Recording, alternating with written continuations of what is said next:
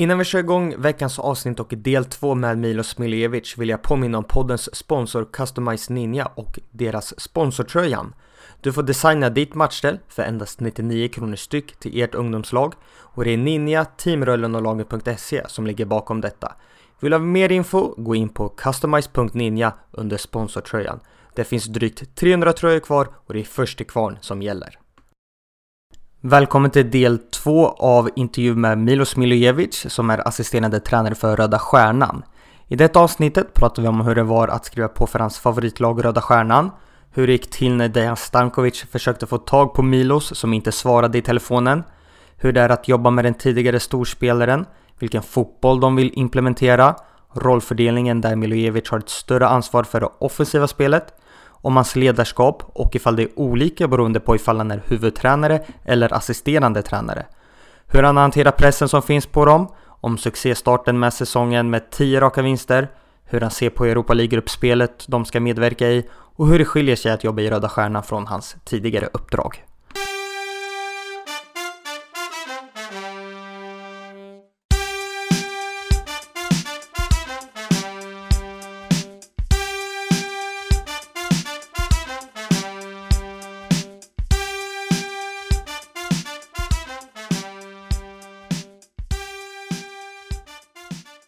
How would you describe your leadership?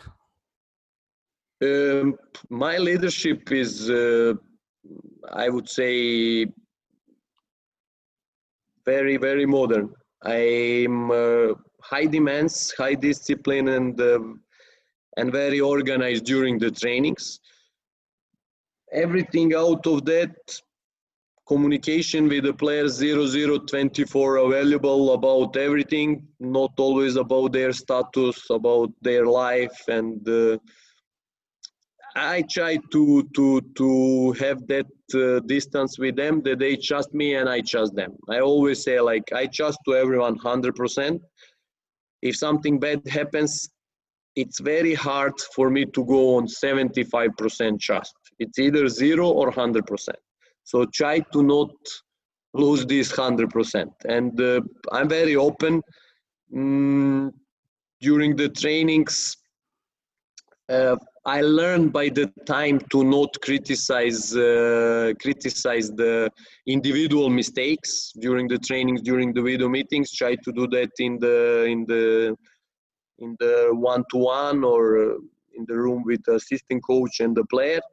Uh, but but uh, what I can get crazy is the player if the players are not focused because uh, that's that's really driving me crazy because I don't want to spend that uh, time that we have on training because for me that's the the really most important time that I can help something.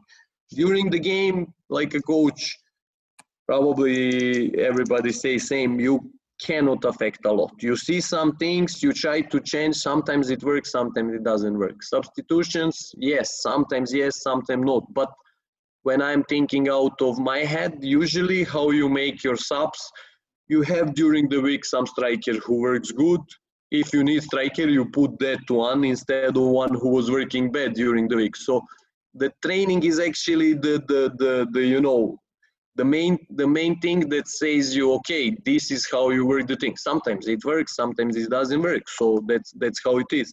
And um, my my uh, leadership is um, i think uh, something that uh, push everyone to to do to go a bit out of the comfort zone. Because i'm the first one who push myself to go out of comfort zone. And uh, like i say don't go out of comfort zone make it bigger make it the bigger space in your comfort zone because you have to feel comfort when you say always you play football. So it has to be enjoyment to play football. It doesn't have to be hard but you have to make your comfort zone bigger. Do you differ as a leader if you are the head coach or assistant coach?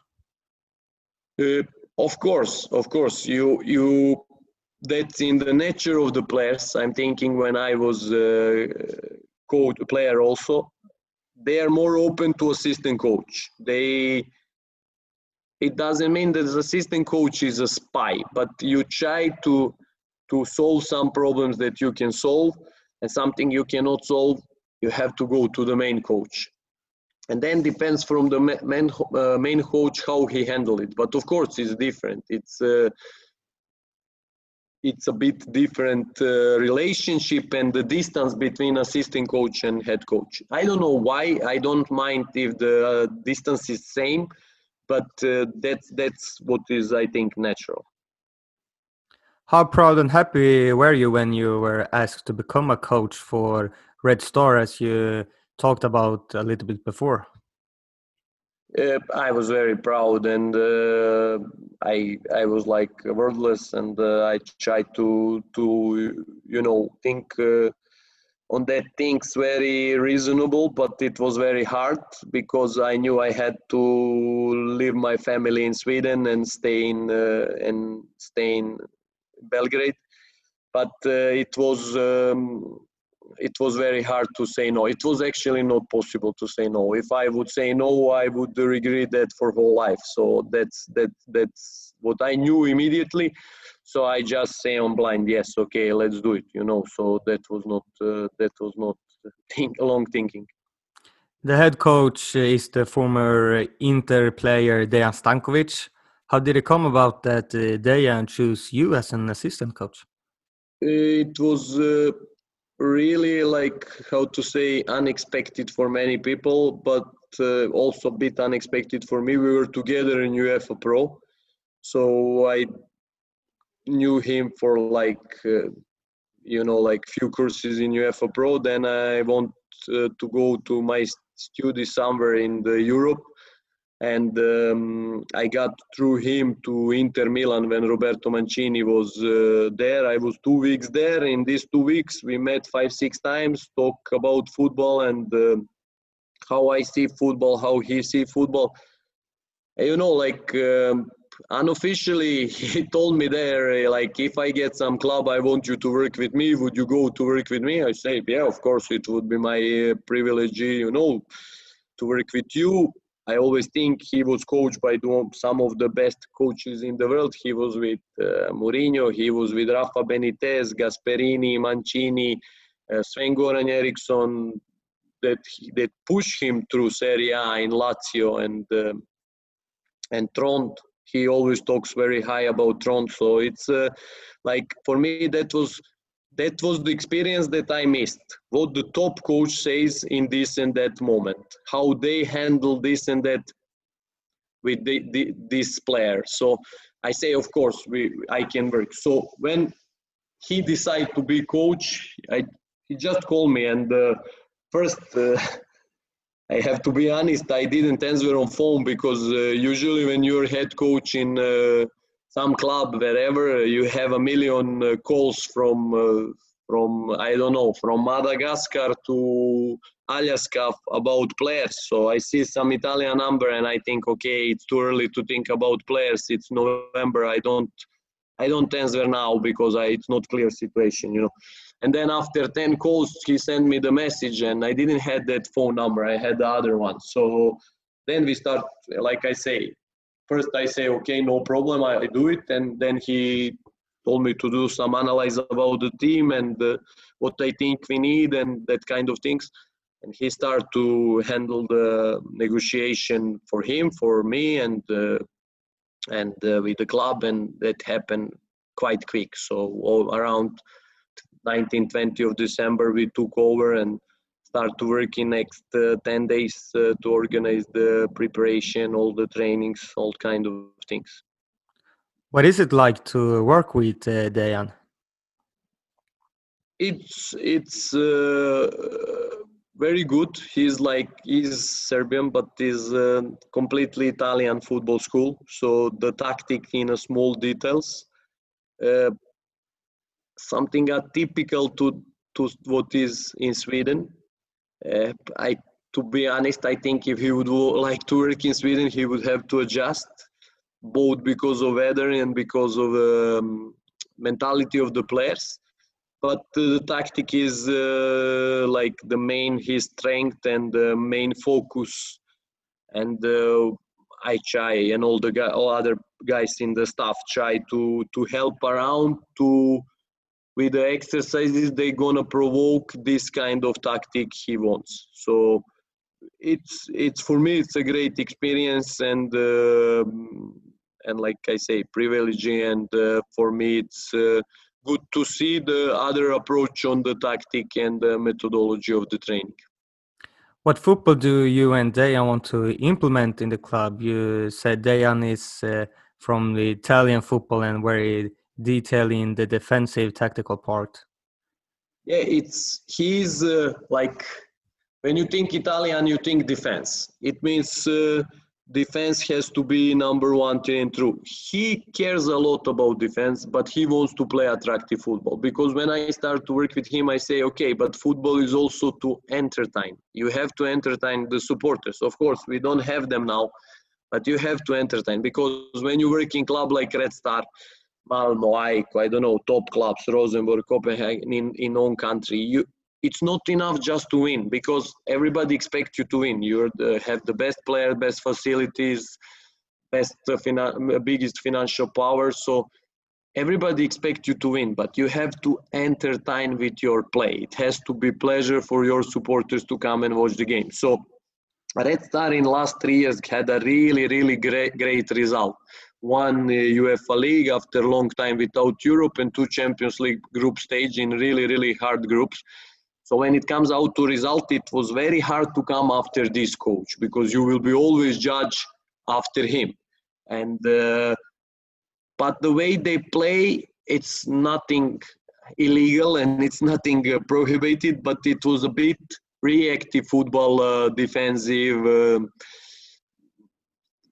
Free uh, set pieces, uh, counter attacks. So we we a lot of long balls. So we we try to change that mentality and uh, 20 games that we've been playing in the league we really change we have a lot much more possession a lot of build up from the goalkeeper a lot of score goals and very few conf- uh, uh, goals conceded so we change a bit way of play it's very hard i think you need uh, two three transfer windows to change the players that have the different mentality, but we are trying also to work on their football mentality and how how they approach the games. Uh, it works, of course, easier against the weakest opponents. When the hardest opponents in Europe come, of course, we have a bit uh, more trouble because uh, they start to go, like I say, in their comfort zone, put a bit longer ball, try to fight, and these kind of things. But uh, the football we try to play is uh, I would say between Gasperini and uh, De Zerbi. Then uh, looks a lot in them uh, in some part of the in some part in some zones of the pitch we are one against one in pressure in some we are zonal and um, when it comes to offensive play of course he know a lot of things how these top coaches uh, did it but I think he likes to watch uh, in you know De Zerbi, in Sassuolo, Inzaghi, these kind of modern Italian coaches. So that's the way that's the way we are trying to play. What does the role distribution between you and all the other staff members look like? Uh, it's like most of the ideas when it comes up to tactical attacking part of the game and it comes then relies on my most of the mine opinion about attacking part of the game and uh, in each phase. But of course i have the idea but we are working idea out with all the plus minuses with all the coaches. Then if we split the pitch on the defense and attacks, usually I take care of the attacking part and with uh, Miljas and the other and uh, Dejan and the other colleague Milosevic, they take of the defensive defensive part. So that's that's the role. But we try to help. I think I think he he try also to see because we didn't work before together. So I I think he tries to see the strengths and weaknesses of all of us and try to to put it uh, in the right way. I think we to if if to be more effective, we have to work longer period together to be as clear. Okay, this is hundred percent yours. So now is like, of course, I have the ideas, but his main coach he has to approve. Sometimes he say, okay, that's great. Sometimes say, no, this is not enough good. I don't believe in this. It's too risky. It's too this. It's too that. So of course, uh, it's um, it's it's normal. I think normal way of working. What's the differences between working at this big club, Red uh, Star, compared to the clubs you have been working with in Iceland and in Sweden? Uh, a lot of difference in the organization, especially when it comes the stuff around the first team. I'm not talking just technical stuff. I'm talking the people that cares about players. We have 20 people in staff. So we usually joke with players, it's like almost individual coaching because when we go on the game, we have uh, now in Serbia is 22 players on the in the you, can have the in the team sheet you can have 22 players so 22 players 20 staff so it's like individual approach to the each player but um, everything is cared what kind of food how many grams of this how many grams of that uh, our own own um, uh, chief for cooking is going with us in every away game our menu so it's completely different to the clubs I've been working for. To be honest, sometimes it's too much. Sometimes it's too much. But that's how these players on top level are used to, and uh, that's how they do. They don't care about anything. For them, it's just to come and play football. The shoes are cleaned and taken for them. Everything is taken. They just need their aftershave and uh, toothbrush, and they come on the game, on training, and uh, they don't have to think about anything in one way it's great for them in other way i i'm thinking we are killing the the one part that is because we want the players who make decisions but we do everything around pitch to make decisions for them. So so it's it's very contradictory but that's how it works on high level and uh, we have to adapt and try to to help as much as we can. In um, in uh, Scandinavia, the clubs I've been working, of course, not the biggest club, but very charming and very famous clubs in both Iceland and Sweden is uh, you have the direct approach to director, you have the direct approach to all the people you need. Of course, maybe you need to do a bit more things uh, you on your own, but uh, I personally I don't mind. I I can do it. It's not not really problem the big pressure you have on you how do you handle it with all the fans and media and the board i just express in, indirect pressure through Dejan because the biggest pressure is on him. And then when i see him that he is uh, struggling with the pressure then it affects me. Uh, it's it's completely different environment but in the end uh, i always try to say that and uh, the, i know it's a cliche but it's really really really only thing that matters is if we have results it doesn't matter if we don't have results even we play like barcelona it's problem that's how it works so only the keeping us running in this job is results so we have to try to maintain all the results uh, as, as high as possible and uh, win as more games. For this club, if you play draw, it's cries. Even the people working on parking hate you. So that that's how it is, and it's it's never gonna change. I think um, it sometimes is a problem because the players also feels it and uh, feels and um, that sometimes uh, inhibit their abilities to perform on the level they can they can but uh, for me personally like assistant coach it's like indirect pressure not not really pressure in that way after 10 games in uh, the league you have 10 wins many goals scored and i think uh, only 3 goals conceded. What is behind this amazing start? Uh, I think we, we do think, think two things good. We change a way of playing, a bit more uh, proactive approach that we control all the things that we want to get one, win one ball more, that we want to score one ball goal more, and really good positioning behind the ball. And also, to be honest, uh, not homogeneous quality of the teams in the in the league. Uh, they made the league after Corona bigger to 20 clubs. I think for Serbia max 16 clubs. That that that can be in the top league max even even if you want really really quality you have to go maybe two clubs down so now uh, we face some good things teams but uh, like Radnički Niš, Čukarički, Lučani away but we have really good players. We have almost two players in each position uh, that are better than any in the other team except Partizan maybe. And uh, we are equal with them, I would say. Every other team is uh, weaker than us, to be honest, and it's expected expected to win to win all this all this game. Red Star has uh, qualified for the Europa League group stage, and you play against uh, Hoffenheim and other teams. How do you look forward to it?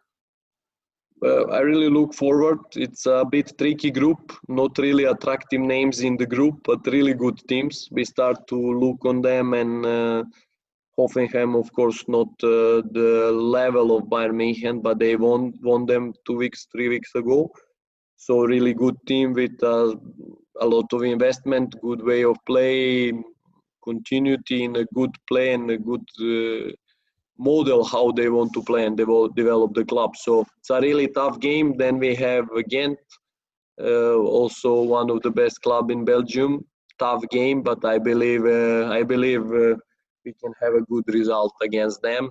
And then Slovan Liberec that is growing year after year and trying to push Sparta and Slavia Prague. So it's really really tricky group not really attractive teams like in maybe some other groups but really really good good teams so our aim is to go through the next stage so uh, that's that's the aim from the club aim from the staff from the players so that that's our focus on but uh, we take always one game in one we have now 17 games from sunday to the 16th of december so it's uh, playing recovery, analyze, playing, preparing. So it's not not many really really real work on the pitch. More about correcting the mistakes and preparing for the next game. Do you need to adjust some small details when you face teams from other countries in the Europa League that may be better than the teams in your league, or do you play in the exact same uh, way in the league and in Europa League? Uh, of course, we have to adjust some things because uh, that's our biggest problem. Because the intensity that we get in our league is much much lower than the intensity we get in Europe competition. Uh, I think our intention is not to change a lot approach. I think the zone in which we're gonna defend, we probably might change depend on the speed qualities of the opponent. Um, how we gonna play i think we're gonna try to to maintain our style of playing but of course you play as your opponent let you to play so i think maybe we don't gonna have the 65 68% possession like we have and uh, 14 to 20 shoots to goal but um, I, I believe that we're gonna try to keep same trend and try to play the same way because we, you cannot change methodology a lot the zones, the certain demands, in which zone you're to press, in which corridor you're to have the over number, under number, both defense, uh, offense. That might change, but uh, big picture, no, not not really. If you look in the future, what goals and dreams do you have? Uh, goals and dreams, I have uh, my goal to coach on as high a level as as possible um, in uh, in the term of the role, I I, pre- I prefer to be the main coach, and uh, that's that's my goal. Mm, of course, for that uh, I need a good project, good uh, good wish from both sides, me and the, the club, and something that I think is attractive and and uh, that can have that uh, the project that I can help, and that project can also help me to be better coach and grow up. Your family still lives in Sweden, as you said before. Can you imagine working in Sweden again? Yes, of course, of course. Uh, that's uh, no question, no doubt about that. It's a uh, bit tough in this Corona time to be without family, but uh, I always think that what doesn't kill you makes you stronger. So we have to live with this, and then we see what future gonna bring us. Which coach would you like to listen to in the podcast? Ah, I would like to listen to Bielsa, but maybe too too high demands. But um, and it's hard to to understand Spanish because that's not my strongest uh, language. Uh, but of uh, Swedish coaches, it's always interesting to listen on Jimmy Thelin. I think also would be interesting to listen on Kleber, Brage, then uh, Stefan from uh, Gais. I think also would be interesting to listen to Henke Rydström from Sirius uh, because his results are amazing and the way they play this year. Uh, to be, I'm really, really surprised. So, not of his quality, I'm surprised of the Sirius results and the way they play. Um, yeah, it's a lot. It's very hard to choose some names because I'm like uh, very curious and I uh, listen to to every every good uh, every good conversation and uh, every good podcast what i when i have time i try to listen. And of course i know i'm not favor of all of uh, swedish people but uh, for me during his stay in iceland lars lagerbäck also was uh, good to listen how he managed the group how he established the rules in the group in national team. That's uh, really really when I look what kind of problems we have in Serbia, it's a really skill because in every country he went to work on national level, he was uh, really doing it great. So it's uh, I think it's good to listen about how he does it. I, I already listened in Iceland, but it's uh, never boring to listen to him. Thank you, Milos, for taking your time and a big good luck with the season. Thank you. Thank you for giving me time to talk and uh, stay in touch. Thank you.